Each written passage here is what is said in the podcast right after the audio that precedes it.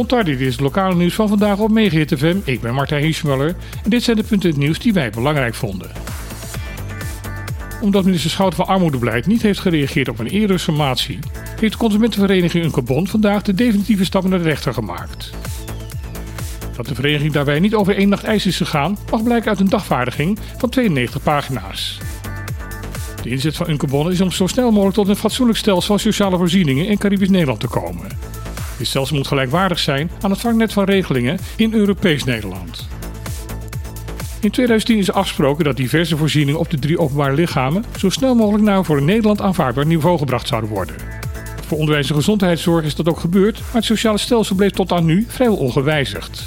Dit terwijl de kosten voor het levensonderhoud de afgelopen jaren alleen maar zijn gestegen. Daardoor is volgens Unkebond de armoede op de eilanden de afgelopen 12 jaar alleen maar toegenomen.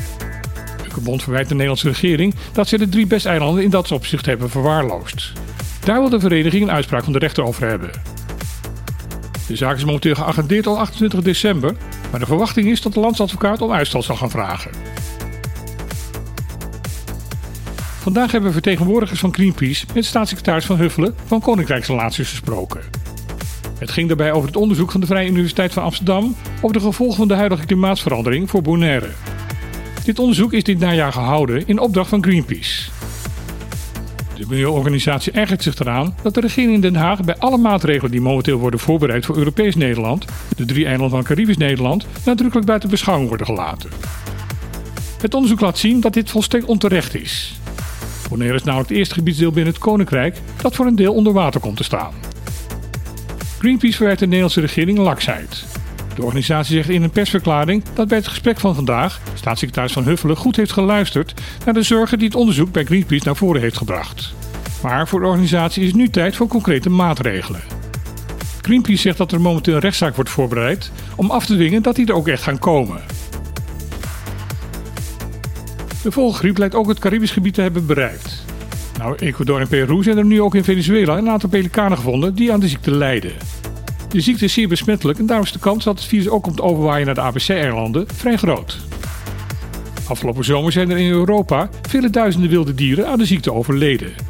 Voor besmette vogels is er geen genezing. De zieke dieren zijn duidelijk te herkennen. Lusteloosheid, verlies aan coördinatie, trillen van het lichaam, draaien met de nek en een gezwollen kop. Dat er een kleine kans is dat ook mensen kunnen besmet worden met het virus, raadt Sinapa aan om geen zieke of dode vogels aan te raken. Wel verzoekt de organisatie om foto's te maken, het aantal zieke en dode dieren te tellen en dit door te geven aan Stinapa. Bonaire is als toeristenbestemming weer in de prijzen gevallen. Het is gekozen tot de meest innovatieve bestemming van het jaar. De onderscheiding werd verleend door de website Caribbean Journal en de reisorganisatie Caribbean Travel. Volgens deze organisaties krijgt Bonaire de vermelding voor haar streven naar duurzaamheid en eigen tijdsheid. Als voorbeeld daarvan wordt het contract genoemd dat toeristen kunnen tekenen, de Bonaire Bond. Daarin beloven toeristen die het eiland bezoeken netjes en voorzichtig met het eiland om te gaan. Ook het instellen van de toeristentax wordt in dit kader genoemd. Naast deze laureaten wordt het restaurant Brasbourg Bonaire door Caribbean Journal uitgeroepen tot Caribisch restaurant van het jaar.